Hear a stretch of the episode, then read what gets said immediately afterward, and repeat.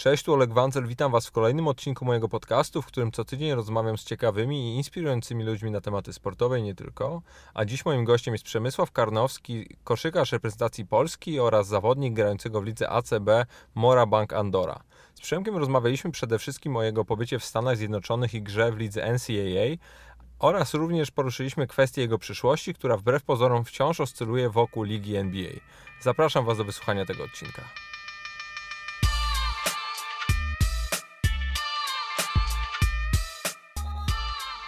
Przemek, witam Cię, witam Cię serdecznie. Jesteśmy podczas zgrupowania reprezentacji Polski. Przygotowujecie się do Eurobasketu. Zanim, zanim jeszcze zaczniemy gadać no już o, o tych sprawach, no z mojej perspektywy najważniejszych, powiedz tylko w dwóch słowach, czy już zdrowotnie jest wszystko w porządku i czy jesteś gotowy do gry.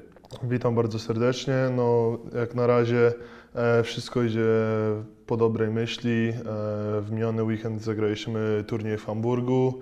E, były to pierwsze moje mecze po operacji, którą odbyłem w Los Angeles około 5,5 tygodnia temu. E, czułem się dobrze. E, no, ten kciuk jeszcze jest troszeczkę słabszy, ale nie odczuwam żadnego bólu ani dyskomfortu, więc myślę, że na tą chwilę cieszę się z tego, jak to wygląda. Mam nadzieję, że teraz ten turniej regionowy, który będziemy rozgrywać od czwartku do soboty, jeszcze bardziej e, pokaże na to, że ten kciuk się zrasta tak, jak ma się zrastać i będę gotowy na 100% już, e, żeby grać w Finlandii. I pięknie. Akurat o, o kadrze za, za bardzo nie chcę gadać, no bo jak się, jak się spodziewasz, tych tematów jest dużo więcej i, i no sporo się w Twoim życiu wydarzyło ostatnio. Ja nie ukrywam też, że no bardzo śledziłem, bo, no bo jestem, jestem zapalony na punkcie koszykówki i bardzo trzymałem kciuki za to, żebyś E, żebyś się dostał do NBA, żeby te wszystkie, e, najpierw draft, a potem, a potem te wszystkie workouty i, i liga letnia ci, ci poszły. Koniec końców podpisałeś w ACB, e, w klubie Zandory. Jakbyś mógł troszeczkę powiedzieć, jak, jak Ty patrzysz na ten cały proces z dzisiejszej perspektywy i, no i jakby na tym bym chciał skupić na samym początku. No na pewno e, kwestia draftu to była taka e, ciężka kwestia, ponieważ e, ja już e, mam 23 lata, teraz trend w NBA jest taki, że e, wybiera się bardziej zawodników ze względu na potencjał, a nie tak naprawdę e, jakie oni umiejętności pre prezentują na, na dzisiejszy dzień, więc o ile dobrze pamiętam, to tak naprawdę z 17 pierwszych wyborów w drafcie 16 byli pierwszoroczniacy i jeden 18-latek z Francji, więc no do tego dochodzi jeszcze kwestia mojej operacji pleców, którą przeszedłem e, około półtora roku temu. E, no naprawdę e, była to ciężka operacja, jakby cały, cały proces rehabilitacji miał trwać około 10 do 12 miesięcy. Udało mi się zacząć biegać i skakać już po 6,5 miesiącach, więc z tego naprawdę byłem zadowolony. Zadowolony byłem z tego, jak Gonzaga się mną zajęła, jak się zajął sam e, doktor główny, który przeprowadzał operację. No i myślę, że e, jeżeli klub NBA miał jakieś znaki zapytania pod e, adresem moich pleców, to no po tym sezonie myślę, że można śmiało powiedzieć, że żadnego bólu czy dyskomfortu nie mam, ponieważ zagrałem w każdym meczu w tym sezonie. Nie było jakiejś takiej nawet e, okazji, żebym gdzieś schodził, bo plecy mnie bolały, więc e, ten, ta rehabilitacja, którą przeszedłem i potem e, cała praca, którą włożyłem w tym, e, e, w tym roku, żeby móc grać na tym samym poziomie, a nawet lepszym, a nawet lepszym, no myślę, że to się naprawdę opłaciło. Jeżeli chodzi o sam draft, no szkoda na pewno, aczkolwiek tak jak e, udało mi się e, dostać do ligi letniej, po, lidze, po drafcie dostałem telefon około godziny, półtorej godziny po samym drafcie od Charlotte. Szybka piłka była. E, szybka piłka. Od razu powiedziałem agentowi, że chcę grać z Charlotte, jeżeli oni tak się mną interesują i tak miałem okazję z nimi prze, przejść trening z drużyną Charlotte w procesie przeddraftowym. Mhm. E, no zdecydowałem się, żeby zagrać z nimi w lidze letniej. E, no niestety nie był to strzał w dziesiątkę. Parę, parę minut zagrałeś. No dosłownie parę minut zagrałem bodajże 12 minut w trzech meczach. W trzecim meczu nawet e, nie wyszedłem na parkiet. A to nie masz taki, sorry, że Ci przerwa, nie masz taki, no, no wiesz, jako sportowiec nie masz taki, no, nie myślisz, że, że masz ochotę się po prostu pokroić, że tu nagle no. chciałeś, wiesz, marzenia spełniać, a a dostajesz 12 minut, to to, to tak wiesz, jakiś rookie w, w, w pierwszych sezonach w gry w PLK. No, się gra. no na pewno e, był pewien niedosyt. E, ja uważałem, że e, mogłem e, grać, mogłem pomóc zespołowi w lidze letniej. Może nawet nie chodziło o moje umiejętności, tam e, były takie sprawy kadrowe, że czterech chłopaków miało już podpisane kontrakty gwarantowane na następny sezon, więc A to było już, powiedz mi, to było już przed y, wytransferowaniem Howarda, czy, to czy było przed. Czy jeszcze nie było wiadome to, że on tam Nie będzie było, nie było. Okej, no ale Więc- to znaczy, może wiesz, No, to jest oni już kwestia Howarda, tam- to nie wiem, czy akurat do mnie się zalicza, ale e, no niestety tak to wyszła ta przygoda z Charlotte. E, pojawiła się opcja, żeby zagrać dwa ostatnie mecze z Orlando Magic i to, to był strzał w dziesiątkę. Cieszę się, że e, przeprowadziłem się e, do, do zespołu z Magic i mogłem zagrać te dwa ostatnie spotkania z nimi. E, jeden z chłopaków, którego wybrali w pierwszej rundzie draftu, złapał kontuzję, a drugi, którego wybrali e, rok temu w drafcie, e, został odesłany do domu, został z nim rozwiązany kontrakt, więc otworzyła się jakby opcja tego, żebym od razu wskoczył do składu. Udało się to, w jeden dzień przeprowadziłem się z jednego hotelu do drugiego. Następnego dnia e, odbyłem z nimi rano trening rzutowy w godzinę. Przeszliśmy przez wszystkie zagrywki, przez wszystkie e, jakieś e, wyrzuty z autów, takie, takie rzeczy. I już tego samego popołudnia grałem mecz. E, graliśmy przeciw, przeciwko Nowemu, Jorku, e, No- Nowemu Jorkowi. E, od razu w pierwszej piątce Trochę pograłeś, trochę 25 porzucałeś. minut zagrałem w jednym meczu dwa razy więcej minut niż zagrałem w trzech e, meczach e, z, z Charlotte, więc na pewno e, z tego się cieszyłem. No i cieszyłem się z tego, że e, poszedłem do tego zespołu i pokazałem, że mogę grać na, na wysokim poziomie w tej lidze letniej. Potem jeszcze złożyło się tak, że następnego dnia graliśmy przeciwko Charlotte, które, które nie grało e, mną i tak się okazało, że rzuciłem 20 punktów, miałem 9 zbiórek. najlepszy mecz zagrałeś Dokładnie, nie? dokładnie, więc no myślę, że to tak jakby pokazało im, że no mylili się trochę co do mojej osoby, no ale tak jak mówię, no myślę, że to nie było akurat e, takie sprawy czysto sportowe, tylko bardziej e, kadrowe i może narzucone trochę od góry. E, no ja się nie gniewam, no takie są prawa sportu profesjonalnego tak naprawdę i no cieszę się, że, że mogłem pokazać się z tej dobrej strony chociaż w tych dwóch meczach. No właśnie, ja, się, ja chciałem bardzo, bardzo poruszyć te kwestie Twojego wieku, no bo oprócz tego, że no w pierwszej tam 17 e, tegorocznego draftu, tak jak powiedziałeś, nie wybrali nikogo tam powyżej 18 czy tam 19 roku życia, tak, e, tak też w ogóle w historii NBA chyba tylko paru zawodników e, po 24 roku życia było wybieranych w pierwszej rundzie draftu i to, i to faktycznie się jakby później okazało, że byli to tam świetni zawodnicy, e, ale, ale nie masz na przykład tak jak patrzysz na to już dzisiaj z perspektywy czasu, że, e, że no jakby nie masz do siebie pretensji, że nie spróbowałeś w tym drafcie wcześniej? No, Albo nie wiem, pretensji, refleksji, nie, nie wiesz, ło- mądry, to- mądry, mądry, mądry posłowie, nie? Ale tak, tak, jest, pytam. jest to ciężka sprawa do rozważenia, w szczególności, że no teraz e, przez dwa ostatnie lata e, zmieniły No się się, zmieniły się e, tak, leczyłem się, ale też zmieniły się kwestie draftu, czyli można było pojechać na treningi e, do klubów NBA, zgłosić się jakby do draftu, ale do, pewnej, e, do pewnego dnia można było to e, jakby Anulować. anulować i wrócić nadal na uczelnię, kiedy ja jeszcze byłem przed operacją pleców e, w moim pierwszym, drugim, trzecim roku. E, Tego nie można było zrobić, albo się zgłaszało do draftu i tak naprawdę rzucało się na głę- głęboką wodę. Bo masz jedno podejście Tak, jedno podejście. I, i Okej. kiedy ja grałem e, te pierwsze trzy lata, to było tak, że e, mówię, że się zgłaszam do draftu, to już nie mogę wrócić na uczelnię, czyli to jest takie No to albo, jedno albo drugie. Więc no na pewno jakoś to, prze to było, było to w moich myślach, myślałem nad tym, ale z drugiej strony kto, kto by wiedział, że ja mógłbym dojść razem z Gonzagą do dużego finału, do finału e, March Madness, e, co było niesamowitą przygodą e, w tym sezonie, więc jakby jedno powiedzmy straciłem w cudzysłowie, drugie zyskałem, tak naprawdę nie To ty staram jesteś się... jedynym Polakiem, który grał w Tak mi się wydaje, tak mi się Bo na wydaje. pewno, na pewno wiem, że no, na pewno byłbyś jedynym mistrzem NCAA, chociaż wydaje mi się, że ktoś jeszcze grał, ale to muszę, muszę sprawdzić. Nie, nie Wydaje mi się, że Final Four grał jakiś mo- mo- Polak tak w latach 70. chyba bodajże, ale... No nie, to wiesz, to i tak jest, to i tak jest świetna historia. No mówię, ja oglądałem każdy wasz mecz od, od tam finałowej szesnastki. Mhm, Sweet I- Od 16. Sweet 16. Tak. I, I naprawdę fajnie się to oglądało. E, No też wiesz, mimo wszystko e, jednak jest to super, kiedy patrzysz na swojego rodaka, który odgrywa znaczącą rolę w zespole. No bo pierwsze twoje lata no to, to, to byli tam zawodnicy, którzy szli potem do NBA. No Kelly Olynyk zagrał teraz Tak. zresztą w To- e, finale konferencji. Tak, był- to z Kelim grałem w pierwszym roku, tak naprawdę grałem za jego plecami. E, grałem, nie wiem, 10-9 minut na mecz i potem, kiedy on właśnie odszedł po moim pierwszym roku, wtedy zacząłem grać w pierwszej piątce, więc e, no, grałem za, za świetnym zawodnikiem, który A co ty o nim teraz... sądzisz?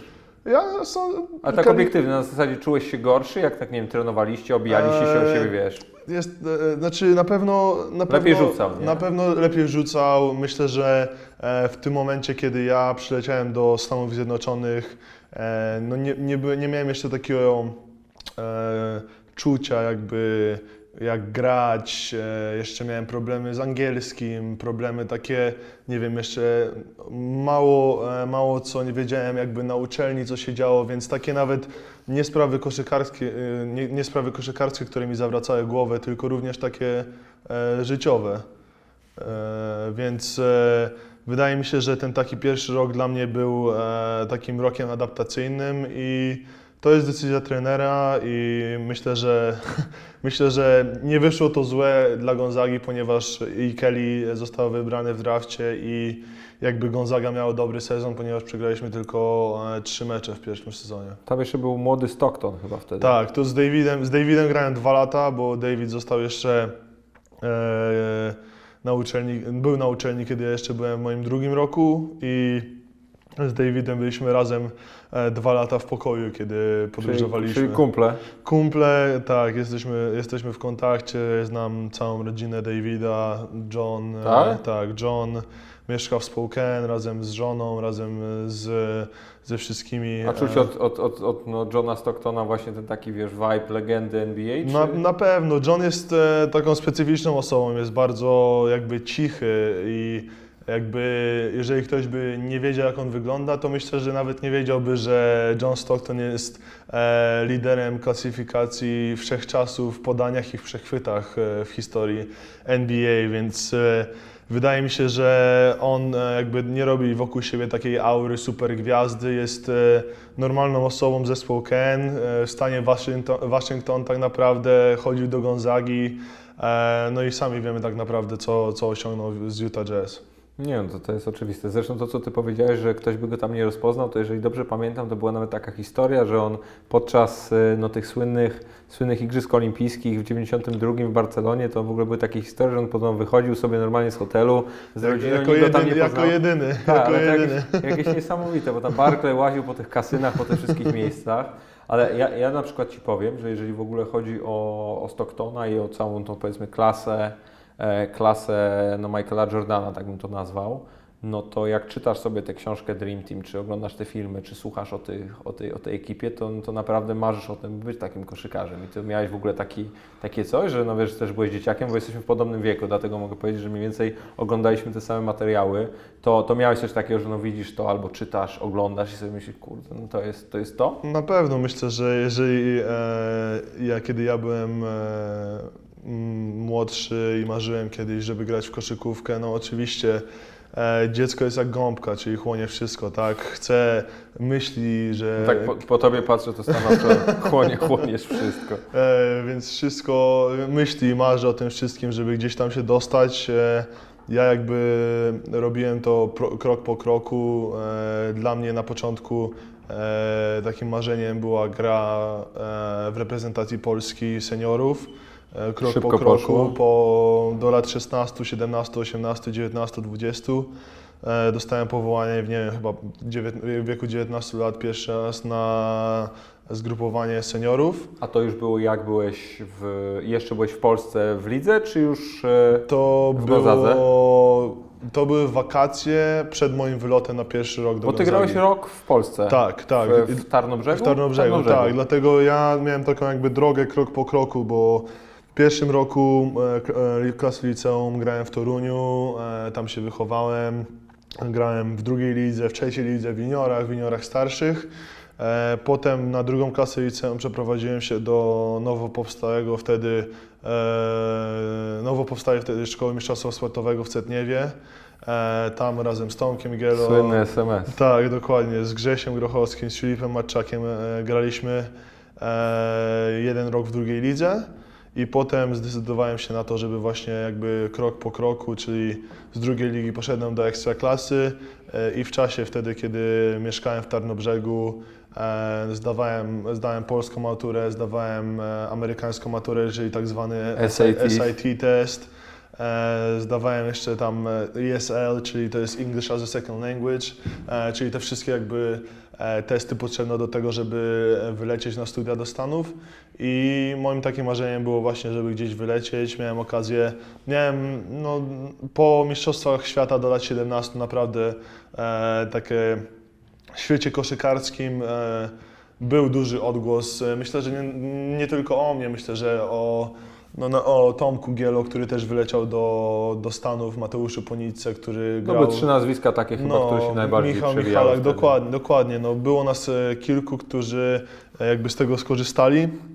Pojechałem na wizyty do Gonzagi, do California Berkeley, e, na uniwersytet w A tam piękny, piękny kampus mają na, w Kalifornii. Tam akurat byłem, Tak. bo mój przyjaciel tam kończył LLM-a. mhm. Właśnie byliśmy na tym kampusie oglądać, to niesamowita Tak, szkoła. naprawdę, naprawdę super. No, e, zdecydowałem się na Gonzagę.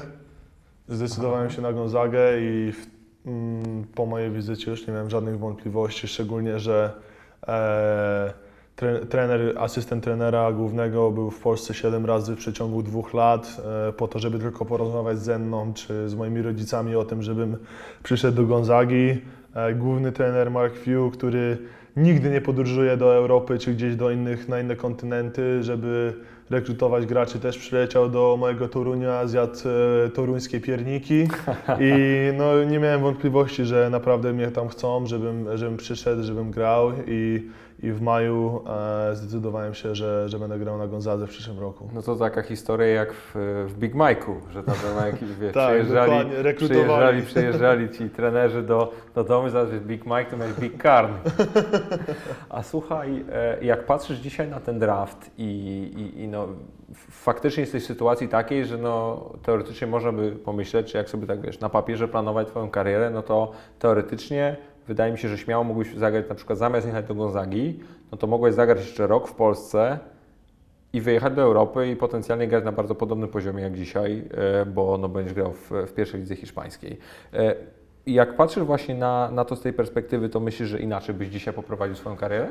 Eee, ciężko I teraz... to nie jest na zasadzie, że gdybania, Tak, tylko, tak. tylko jak tak sobie myślisz, czy, czy nie wiem, czegoś Ci zabrakło, taka jakaś Myślę- refleksja na to. Według mnie nie zmieniłbym niczego, no jedyne co, no to... To zajebiście. No, według mnie tak naprawdę jedyne co, no to kontuzja pleców, którą odniosłem w moim Ale- czwartym roku. Na to nie masz wpływu. Nie? na to nie mam wpływu dokładnie, no więc e, moja przygoda na Gonzadze 5 lat naprawdę pod względem e, koszykarskim, organizacji, fanów, e, ludzi, którzy przychodzą na mecze i robią atmosferę, no to jest e, coś, czego w Polsce i nawet w Europie, no może w Partizanie, w Partizanie, gdzie cała sala skacze, razem się bawi, śpiewają. Olimpiakos może. Tak, Olimpiakos, no może coś takiego, ale e, taka atmosfera jaka u nas jest i tam e, w Spokane, w, Waszyng- w Waszyngtonie, to jest na północnym zachodzie, e, no najbliższa drużyna jakby profesjonalna z obojętnie jakiego sportu to e, jest w odległości około 4, 5, nawet 6 godzin samochodem, więc jakby cała uwaga była skupiona na naszej drużynie koszykarskiej. Nie mamy drużyny futbolowej na Gonzadze, więc czasami dochodziło do takiego absurdu, że bilety na mecz kosztowały 200-300 dolarów na pojedynczy mecz. Wow. Wow. Je, ale to był jakiś odjazd. No. No to jak sobie pomyślisz, że w Polsce wchodzisz na każdy mecz koszykówki za 10-15 zł, to to jest jakiś Jak za darmo. Jakiś, no nie, no oczywiście, nie. No, wi- wiesz co, no dlatego pytałem, bo, bo zastanawiam się, czy na przykład, no jako, że to się cieszę bardzo, że, że na to patrzysz z takiej perspektywy, z- zresztą zakładałem, że tak, że tak patrzysz, ale masz na przykład do siebie dzisiaj o coś pretensje, że coś mogłeś zrobić lepiej w przygotowaniu się do tego draftu? No bo wiesz, jedno to jest wiek i wszelkiego rodzaju czynniki zewnętrzne, tak jak powiedzieliśmy o tym, nie masz na nie wpływu i według mnie też jak na to obserwowałem i jakby statystyki i patrzyłem, etc., to była mała szansa ogólnie, żeby jakby Ciebie wybrali, taka realna, tak? Ale czy na przykład uważasz, że mogłeś coś zrobić lepiej w tym całym procesie przygotowania? E, Myślę, że e, ciężko, ciężko mi powiedzieć e, w takim sensie, że mógłbym na przykład zrobić tą jedną rzecz albo e, tą e, lepiej. Przede wszystkim mój styl gry jest troszeczkę inny niż które, jak, jakie są teraz trendy w NBA, więc jakby no powiedzmy mógłbym lepiej rzucać pół dystansu albo mógłbym zacząć rzucać za trzy, ale no jakby to powiedzieć, grałem dla drużyny, mieliśmy więcej osób, które rzucały lepiej za trzy i dla mnie e, zwycięstwo drużyny zawsze stawiam to na pierwszym miejscu i myślę, Myślę, że bardzo amerykańskie. no, myślę, że nawet e, statystyki, bo e, jestem. E, mam najwięcej zwycięstw w historii NCAA w ogóle. Każdy, kto grał kiedykolwiek w NCAA, Michael Jordan, Odbiłeś Battier. Ralph Samson, e, no wszyscy, którzy grali, Karim Abdul-Jabbar, mam najwięcej zwycięstw i myślę, że to jest coś takiego unikatowego, że chłopak, który pojechał z Polski, z Torunia do, e, do Stanów Zjednoczonych, e, gdzieś tam grał na małym uniwersytecie na Gonzadze. Przez te e, 4 lata, co tak naprawdę grałem, no, udało mi się e, coś takiego osiągnąć, no myślę, że to mówi e, samo, samo przez się tak naprawdę, bo E, To, to, że mogę na przykład rzucać więcej z półdystansu i wtedy skauci inaczej by na mnie patrzyli, no jest to, jest to, jest to prawda, ale z drugiej strony myślę, że e, skauci i trenerzy lubią bardziej zwycięzców e, niż e, ludzi, którzy coś e, próbują robić na przekór. No właśnie, bo ja, się, ja sobie Ciebie w stuprocentowo wyobrażałem sobie jakiego, tak, jako takiego zadaniowca. Masz wiesz, przykłady typu tam, nie wiem, Mark Gasol, czy, czy, bo zresztą do niego byłeś najczęściej porównywany. No to są goście, z którymi, którzy faktycznie grają w taki sposób. Tam był, nie wiem, jeszcze jest Nikola Pekowicz, Nikola w, Pekowicz, tak. był w Timberwolves, On był w Mis- w Minnesocie, a teraz nie wiem, gdzie jest. tak. On chyba wrócił do On wrócił Europy, do Europy, o ile nie? się nie mylę. Ale grał tam parę tak, sezonów grał, grał. grał, na dobrym poziomie. E, dokładnie, więc, e, więc mi się wydaje, że, że na pewno mógłbyś się tam zaczepić. No, szczególnie, że, że no, niestety ja nad tym bardzo ubolewam i też Cię zaraz zapytam o to, o to, co Ty o tym sądzisz. No, że no wciąż e, Twój zresztą kolega Marcin Gortat jest no, jedynym tym rodzynkiem, który się w tym NBA ostał i no właśnie, co Ty o tym sądzisz? Dlaczego tak się dzieje, że jest nas tak mało? Mamy, jesteśmy 40-milionowym państwem, gdzie no mimo wszystko z czysto statystycznego punktu widzenia no, ktoś powinien grać. To jest, to jest prawda, no. Jest nas e, 40 milionów, a na, nie wiem, na Łotwie jest chyba 2 miliony ludzi, a mają dwóch czy trzech w, w NBA, więc jeżeli patrzymy z takiego punktu widzenia, to na pewno, no myślę, że e, no dużo osób to powtarza, myślę, że to się, to się zaczyna od, od szkolenia na początku, e, od e, trenerów, od zaangażowania młodzieży, od tych e, malutkich e, dzieciaczków, które latają po, po szkole i tak naprawdę co wbija się w głowę tych dzieciaków, że e, nie wiem, chodzi o to, żeby wygrać z kimś e, stop, różnicą 150 punktów, bo na przykład e, drużyna przeciwna nie umie w wieku e, 10 czy 12 lat rozbić e, e, zony na całym boisku, nie wiem, 2-2-1, więc e, no myślę, że takie podejście jest e, jest złe, no bo chodzi o to, żeby nauczyć tak naprawdę się podstaw, kiedy zaczyna się koszykówkę, nauczyć się tego, jak, jak grać w koszykówkę, jak, e, nie wiem, na przykład stawiać zasłony, jak, e, jak rzucać, jak nie robić kroków, no takich podstawowych rzeczy, a potem, kiedy e, gracz dorasta, nie wiem, ma 14, 15, 16 lat, żeby potem ta gra zaczęła się tak naprawdę e, od początku, o, żeby grać o zwycięstwa, żeby w takim młodym wieku, kiedy te, te dzieciaczki przychodzą na, e, na te zajęcia, żeby trener nie był rozliczany z, z liczby zwycięstw, kiedy dzieciaczki mają 10 czy 12 lat i tak naprawdę bawią się w koszykówkę, a z tego kto na przykład, e, na przykład z grupy 15 osób może pięć w przyszłości zagra w Ekstraklasie. No, myślę, że współczynnik 33% na taką grupkę byłby super współczynnikiem. I, No nie, to jakiś w ogóle ekstra no, by no i myślę, że od tego trzeba zacząć. E, no dużo,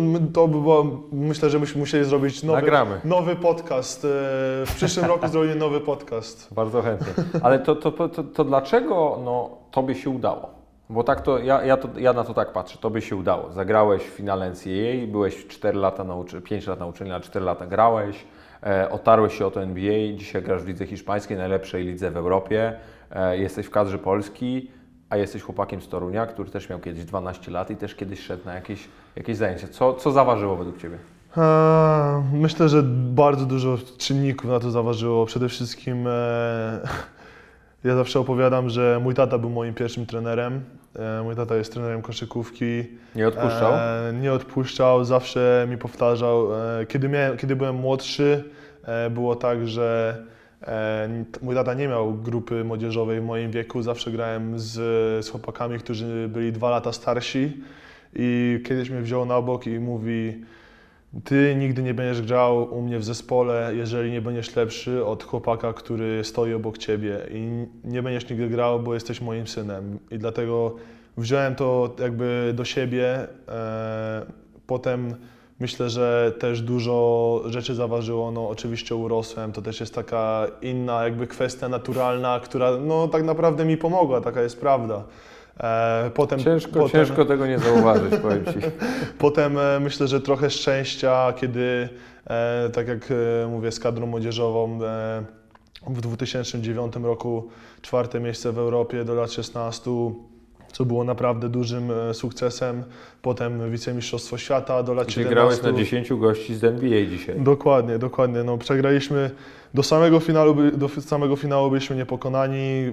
Rozbiliśmy Hiszpanów, e, Serbię, Litwę, e, Kanadę. No, no, tak naprawdę, jeżeli o tym pomyśleć i byśmy e, wygrali z takimi zespołami na mistrzostwach e, e, Europy seniorów, no to myślę, że tutaj Polska by przejęła, koszykówka by przejęła Polskę, więc e, to było coś takiego niesamowitego. No niestety trafiliśmy na tych Amerykanów, którzy no, byli piekielnie mocni. A gadałeś o tym kiedyś z Bradleyem Billem? E, Później? rozmawiałem z nim kiedyś, jak byłem u Marcina e, w odwiedzinach, rozmawiałem z nim chwilę, e, ale on, oni to ledwo co pamiętają tak naprawdę, bo dla nich, Dla nich to, kolejny mecz. Dla nich to był kolejny mecz. e, Dla nas to, było, dla nas to były święta tak naprawdę. e, Otwieranie prezentów, e, granie w, finale Mistrzostw Świata do lat 17, a dla nich to było, no wygraliśmy z Polakami, zostaliśmy mistrzami świata. Dobra, wracamy do Stanów Zjednoczonych i teraz skupiamy się na poważnym graniu. A to Ci powiem taką anegdotkę, to ona jest kompletnie niesportowa, ale właśnie też sporo mówi o, o przygot- no jakby podejściu Amerykanów do, do takiego właśnie wygrywania nagród i różnego rodzaju rzeczy.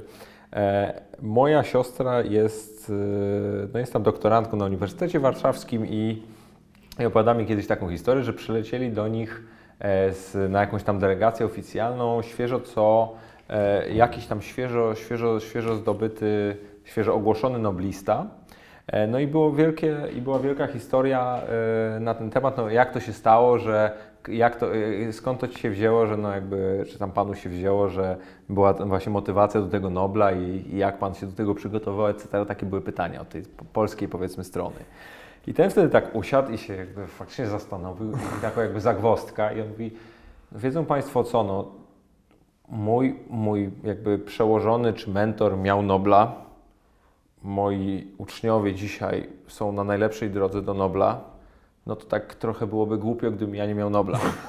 więc e, więc no jak ona mi opowiedziała tę historię i teraz Ty mi o tym mówisz, no to sobie wyobrażam, że taki wiesz, Bradley Bill sobie pomyślał, no dobra, no to jak moi poprzednicy wygrali Mistrzostwo Świata U17, ja go nie wygram, no to z automatu będę, wiesz, uważany za jakiegoś Lesera, czy Dokła- Leszcza, czy coś takiego. To są- Dokładnie. Potem, I potem myślę, że o, oni się dostali do draftu, to ja się też muszę dostać do, do pierwszej dziesiątki i myślę, że e, tak to wszystko jakby się nakręca. No tak.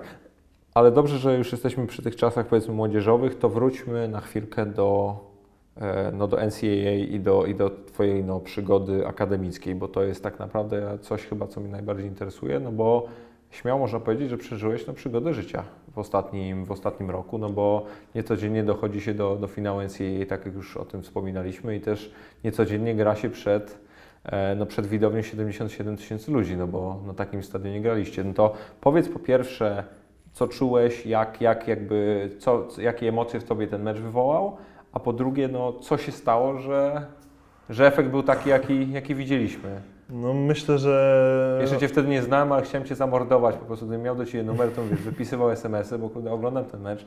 Ja mówię, no nie wierzę, co się kurwa dzieje. No, no ja, ja e, analizowałem ten mecz kilka razy. E, no, Na trzeźwo? Trzeba, na trzeźwo, no. Trzeba sobie e, powiedzieć prosto e, w oczy, jak chłop. No, nie był to mój najlepszy mecz. O ile dobrze pamiętam, to widziałem taką statystykę, że e, kiedy grałem 25 minut albo więcej w meczu, to był mój najgorszy ofensywny mecz e, w, przez 5 lat, więc Ale co, mental, fizycznie siadłeś, zjadłeś, nie wiem, za dużo naleśników na jakieś, no nie, nie wiem, jaki nie wydaje mi się, żeby to była kwestia nerwów czy jakiegoś mentalu właśnie, ponieważ no, spu- budowałem rzuty, które tak naprawdę trafiałem przez cały sezon, a jeżeli byłoby to jakieś nerwy czy coś takiego, to nie trafiałbym osobistych, a na linii osobistych miałem 7 e, e, trafionych z 9.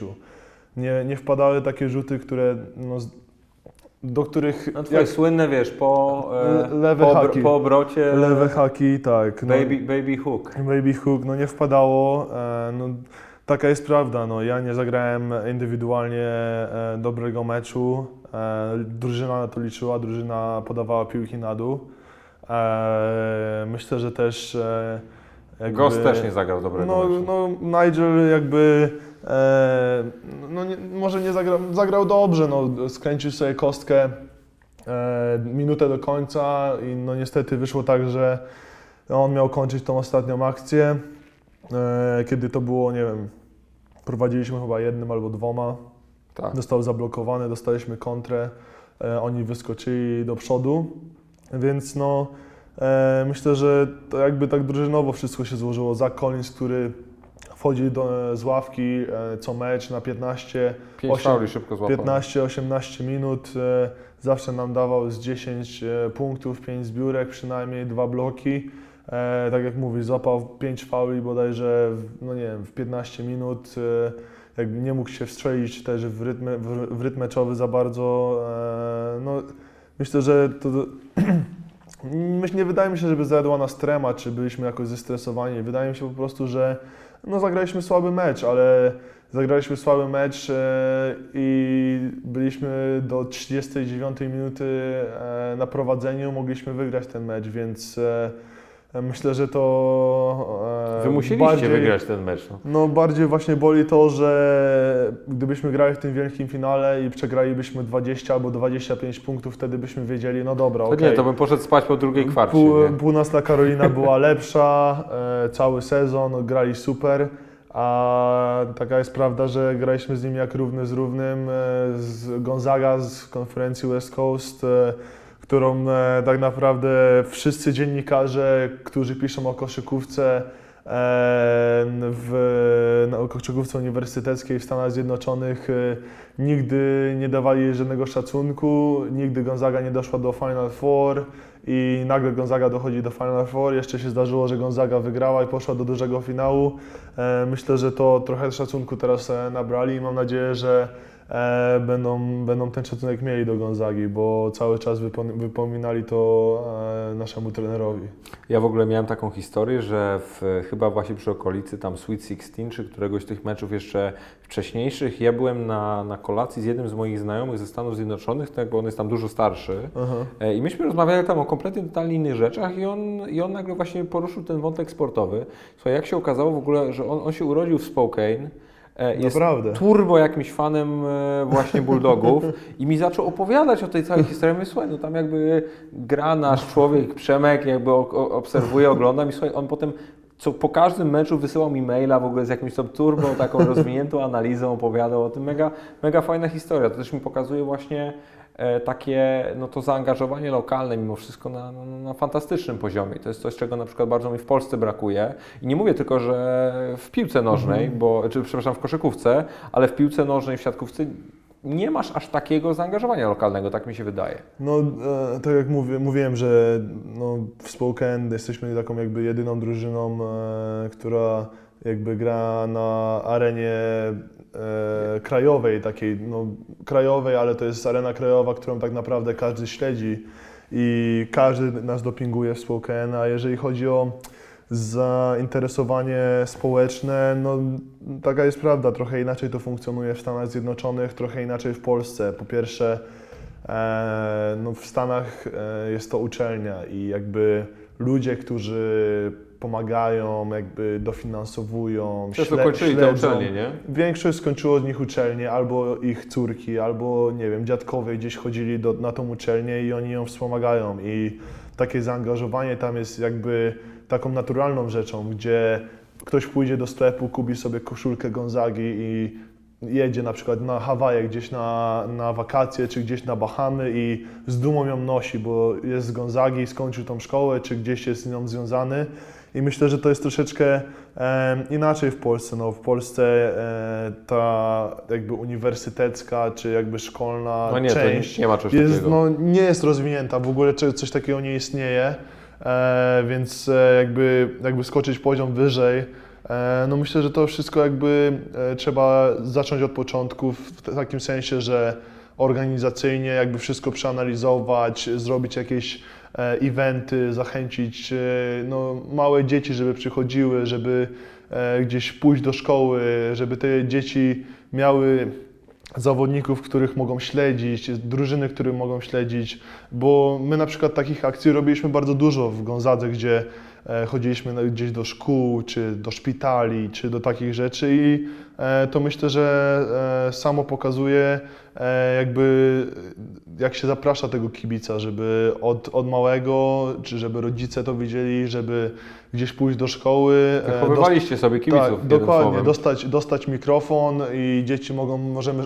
możemy opowiadać, e, jak ważna jest nauka, jak ważna jest e, nauka i jak ciężko jest to pogodzić z graniem w koszykówkę na, na pełnych obrotach, a potem na przykład dzieciaki mogą zadawać pytania i myślę, że to jest, e, od tego by trzeba było zacząć i tak to zaatakować.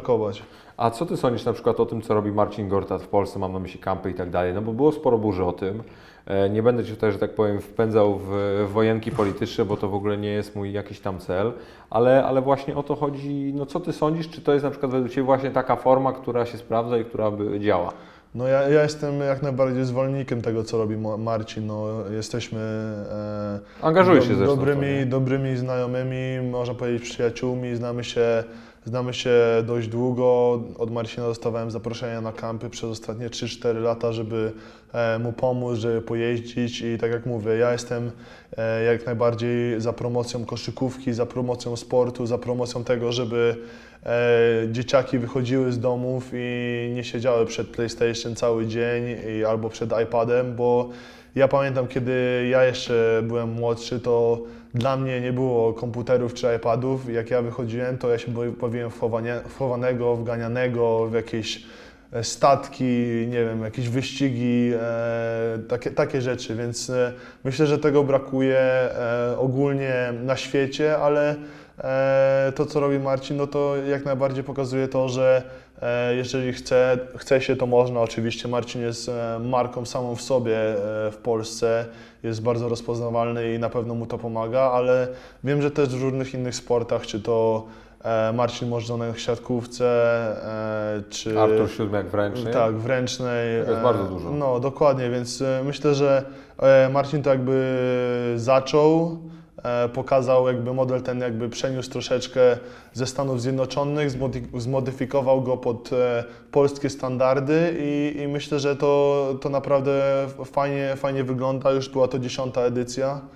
E, No i myślę, że to, co robi e, przez, te, przez ten tydzień, dwa tygodnie, kiedy jeździ po Polsce i, i rozstawia swój kamp na, na jeden cały dzień, jest do dyspozycji dzieci, naprawdę, naprawdę jest super sprawą. Nie no, to jest w ogóle dla mnie fantastyczne ja nie rozumiem całej tej burzy wokół tego, bo można się jakby kłócić, czy coś jest szkoleniem, nie szkoleniem, ale tak naprawdę nie, nie, ja się zastanawiam w ogóle, czy w przypadku wiesz, dzieci 5 czy 6-letnich, tak jak powiedziałeś, możemy mówić o jakimkolwiek szkoleniu. Są wiesz, dzieciaki, które chcą porzucać do kosza, Dokładnie, chcą się o- nauczyć koz, kozłować. Ja jeszcze pamiętam, jak, e, jak ja z kolei pracowałem przy koszykarskiej Legii, no to myśmy tam też zaczynali ten projekt Legia Basket Schools, no to tam wiesz, przychodziło na przykład 200 dzieciaków z Warszawy i, i normalnie po prostu chodziło i to wiesz, nie można tego nazwać jakąś poważną koszykówką, No, chodzi tak? bardziej o zabawę. No dokładnie, ale przychodzi, przychodzi do Ciebie taki, nie wiem, potencjalny Czarek Trybański, czy któryś z naszych zawodników sobie z nimi tam poodbija, pokozłuje, zrobił jakieś tam różnego rodzaju rzeczy i, i to jest, wiesz, dla nich świetne wydarzenie, no bo raz w weekend po prostu y, też takie w pewnym sensie rodzinne się to robi nawet, bo wiesz, jedzie, jedzie cała rodzina na taki trening, potem sobie jadą na obiad, potem, nie wiem, daj Boże, jeszcze obejrzą jakiś inny mecz albo coś takiego i to jest, wiesz, super właśnie, właśnie taka aktywacja jakaś taka oddolna, tak mi się też wydaje. A, a jak Ty patrzysz w przyszłość? dzisiaj? No bo masz 23, czy za chwilę 24, podpisałeś świeżo co kontrakt w lidze hiszpańskiej, najsilniejsza li- liga europejska i no nie, nie będę się Ciebie pytał o koniec kariery, no bo to, to jakby w żadnym stopniu, w żadnym stopniu nie myślimy w takich kategoriach, ale ja, jaki Ty masz plan na siebie? Co Ty byś chciał zrobić teraz? Teraz. E, tak, Tylko mi nie mów, że chciałbyś się idealnie przygotować do sezonu, bo to wiem. no dokładnie, ale teraz e, plany takie krótkoterminowe. Eurobasket, przygotowuję się do sezonu w Andorze. E, rozgrywam e, sezon w Andorze, w Eurocupie i w przyszłym roku chciałbym znowu zagrać w lidze letniej. E, tym razem e, nie w Orlando, tylko w Las Vegas, gdzie ta liga jest e, dłuższa, bo ona trwa około dwóch tygodni i tam jest około 7 czy 8 meczów do rozegrania, więc to dałoby mi jakby większe, pole, jakiś, większe pole manewru, więcej meczów i przede wszystkim no, chciałbym, żeby mój agent już niedługo zaczął rozmowy, żeby znaleźć taką drużynę, która powie mi, że dostanę te minuty, żebym po prostu no, nie jechał znowu e, tak jak było z Charlotte, że się okaże, że trzech ma kontrakty, dwóch zostało wydraftowanych i Przemek Karnowski siedzi na ławce i klaszcze, a tak naprawdę może grać na dobrym poziomie, więc e, dla mnie e, to jest e, teraz, e, na, na tym się skupiam, na tym się skupiam, żeby się do tego przygotować. No a jeżeli chodzi o, o dalszą przyszłość, no ciężko mi powiedzieć, no mam nadzieję, że e, w przyszłym roku albo za dwa lata uda mi się zwrócić do Stanów Zjednoczonych. E, Jak na razie podpisałem kontrakt na rok z możliwością przedłużenia na drugi rok, więc jakby nie zamykam sobie tej e, drogi, e, żeby gdzieś pójść do klubu w Eurolidze czy, czy wrócić do Stanów Zjednoczonych. A jeżeli chodzi o takie dalekosiężne plany, no to na pewno chciałbym, jeżeli nie w NBA, no to czy liga hiszpańska, wyższym rosyjska, turecka. No na pewno, na pewno chciałem grać w takich ligach i gdzieś tam e, w Eurolidze, no to jeżeli e, moim takim głównym marzeniem było gra w NBA, jestem, jestem optymistą, który e, stąpa po ziemi, e, nadal będę o to walczył, nadal się będę nad tym skupiał, ale jeżeli teraz e, nie udało mi się dostać do Euroligi, podpisałem z, e, z drużyną w Eurocupie, no to jeżeli wrócę w przyszłym roku czy za dwa lata znowu do Europy, no to chciałbym, żeby e, tą poprzeczkę troszeczkę podwyższyć i, i wa- walczyć w Eurolidze. A masz jakieś takie cele na ten rok czysto, no powiedzmy koszykarskie, czy, czy nie wiem, fizyczne, które chcesz poprawić, nie wiem, e, zbudować więcej mięśni, poprawić swoją skoczność, rzut z półdystansu, rzut z dystansu, jakoś, masz jakieś takie swoje założenia? Na, pe- na pewno chcę poprawić swoją sylwetkę i myślę, że to tylko będzie działało na moją korzyść e, w kwestii NBA czy Euroligi. E, Jeżeli chodzi o takie e, rzeczy czysto koszykarskie, no to tak jak mówię, widzimy jakie są trendy teraz w, w koszykówce. E, Na pewno chciałbym e, w tym sezonie już e, na, w meczach e, rzucać regularnie z półdystansu. Myślę, że to jest realny cel, e, nad tym pracować przez cały sezon, zostawać po treningach i, i to pokazać, że mogę to robić e, w meczach w lidze letniej.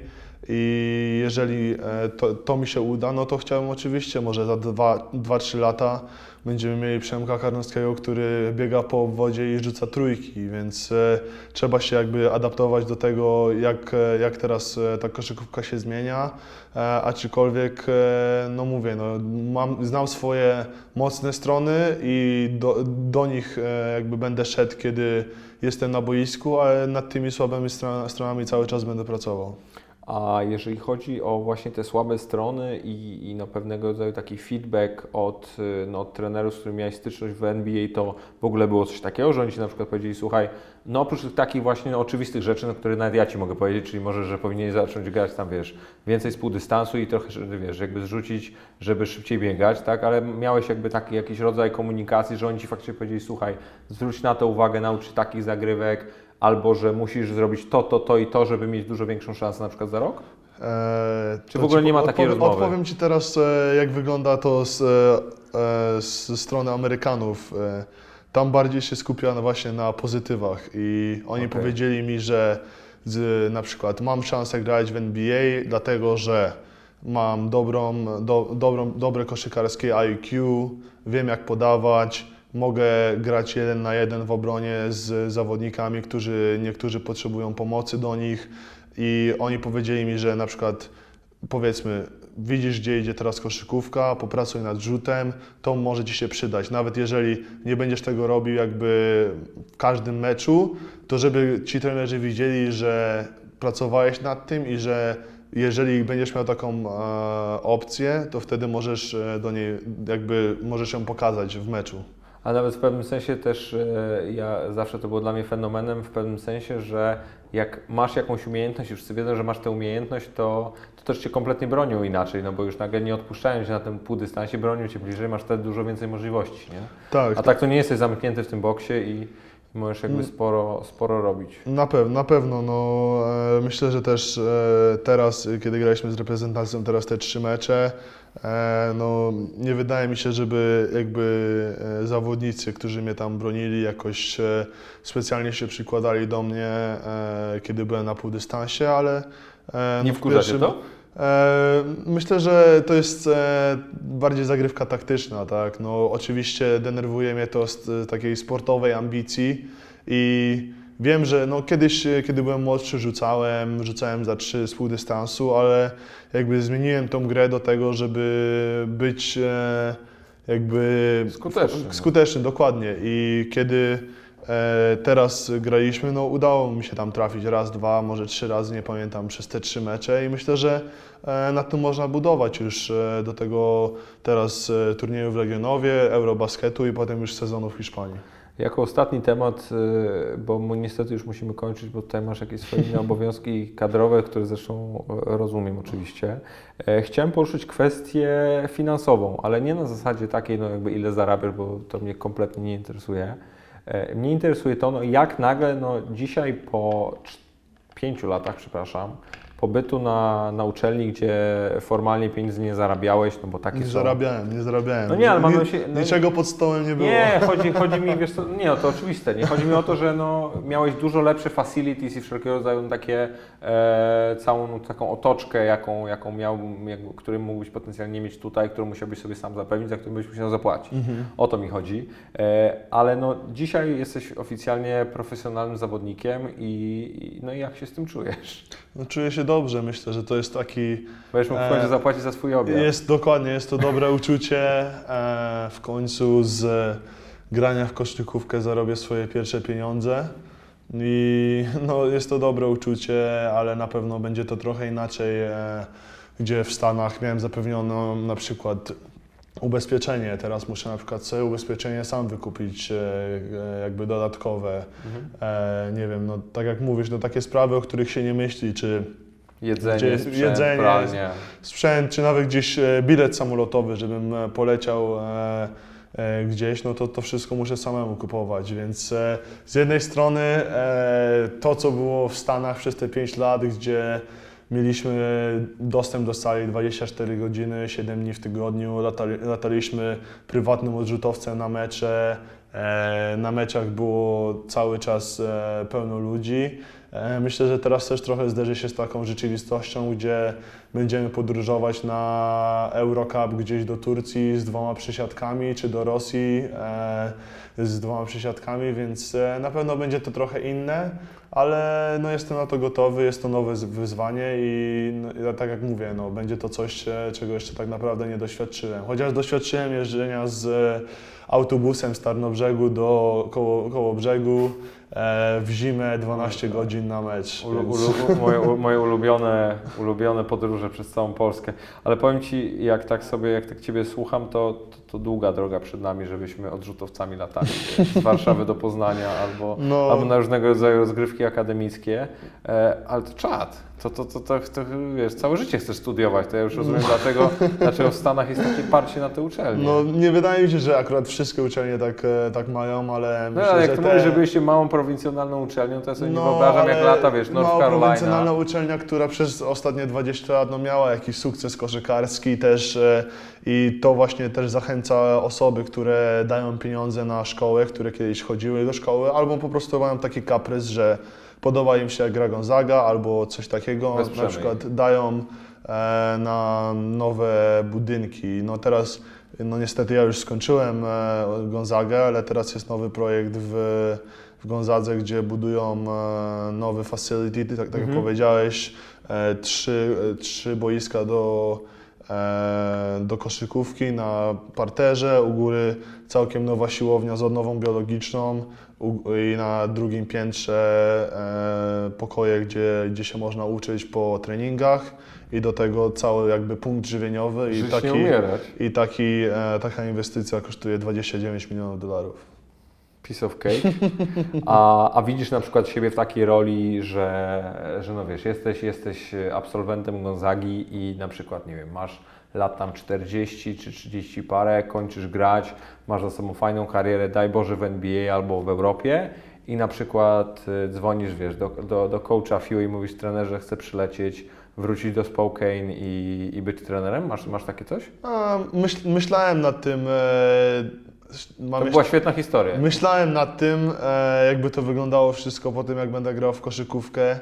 E, jak na razie dopiero zaczynam moją przygodę z Ja w ogóle- profesjonalną koszykówką, więc e, jakby nie myślałem o tym jeszcze aż tak bardzo, ale no jeżeli chodzi o sam powrót do Gonzagi, no to ja mam tylko same pozytywne emocje związane z tym miejscem i jeżeli taka opcja by się pojawiła, jeżeli e, mnie będzie jakoś ciągnęło do, do, trene, do, do trenowania, czy do, nie wiem, jeszcze są inne jakieś tam funkcje na uniwersytecie, czy e, athletic director, czy takie inne rzeczy. E, no myślę, że na pewno jest to opcja do rozważenia. E, nie wiem, gdzie chcę mieszkać jeszcze po zakończeniu kariery, ale mam nadzieję, że będę miał takie opcje, że będę mógł sobie wybierać. No właśnie Cię miałem o to pytać, czy na przykład chciałbyś w Stanach mieszkać, no bo na przykład Czarek Trybański zakochał się w Phoenix, ma tam dom i, i no pomimo tego, że grał chwilę w Warszawie, wrócił tam, teraz mieszka w Stanach. I masz coś takiego, że chciałbyś tam mieszkać? Um, myślę, Tak że to jest ludzko? kwestia do rozważenia. Myślę, że takim na tą chwilę takim dla mnie perfekcyjnym planem było to, że byłoby to, żeby mieszkać w Stanach e, w zimę, gdzieś gdzie jest ciepło i na wakacje wracać do Polski e, na, na 5, 4 może miesiące, żeby tutaj e, widzieć się z rodziną, z przyjaciółmi i, i takie to by było myślę, że dla mnie pół na pół jak najbardziej. To ja Ci powiem taką wróżbę. Jedziesz za rok, grasz w Eurocupie, grasz w, e, w lidze hiszpańskiej, idziesz do ligi letniej, podpisujesz kontrakt z Timberwolves, budujesz chatę, grasz parę sezonów, Euroliga, Polska, masz chatę, mieszkasz pół na pół, na pół w Stanach i w Polsce. I tego Ci bardzo życzę. Dziękuję bardzo. Dzięki wielkie, e, dzięki wielkie za Twój czas. Oczywiście, jaki by to nie był klub, żebyś, żebyś trafił do tego NBA, bo nie ukrywam, że, że no, ciężko jest, wiesz, kibicować tylko jednej drużynie, kiedy gra tam Polak, to trzeba sobie, wiesz, podnieść jakieś szanse, żeby mimo wszystko ktoś to, ktoś to mistrzostwo w tym, w tym NBA wygrał. Na pewno. Dziękuję bardzo za rozmowę. Dzięki wielkie.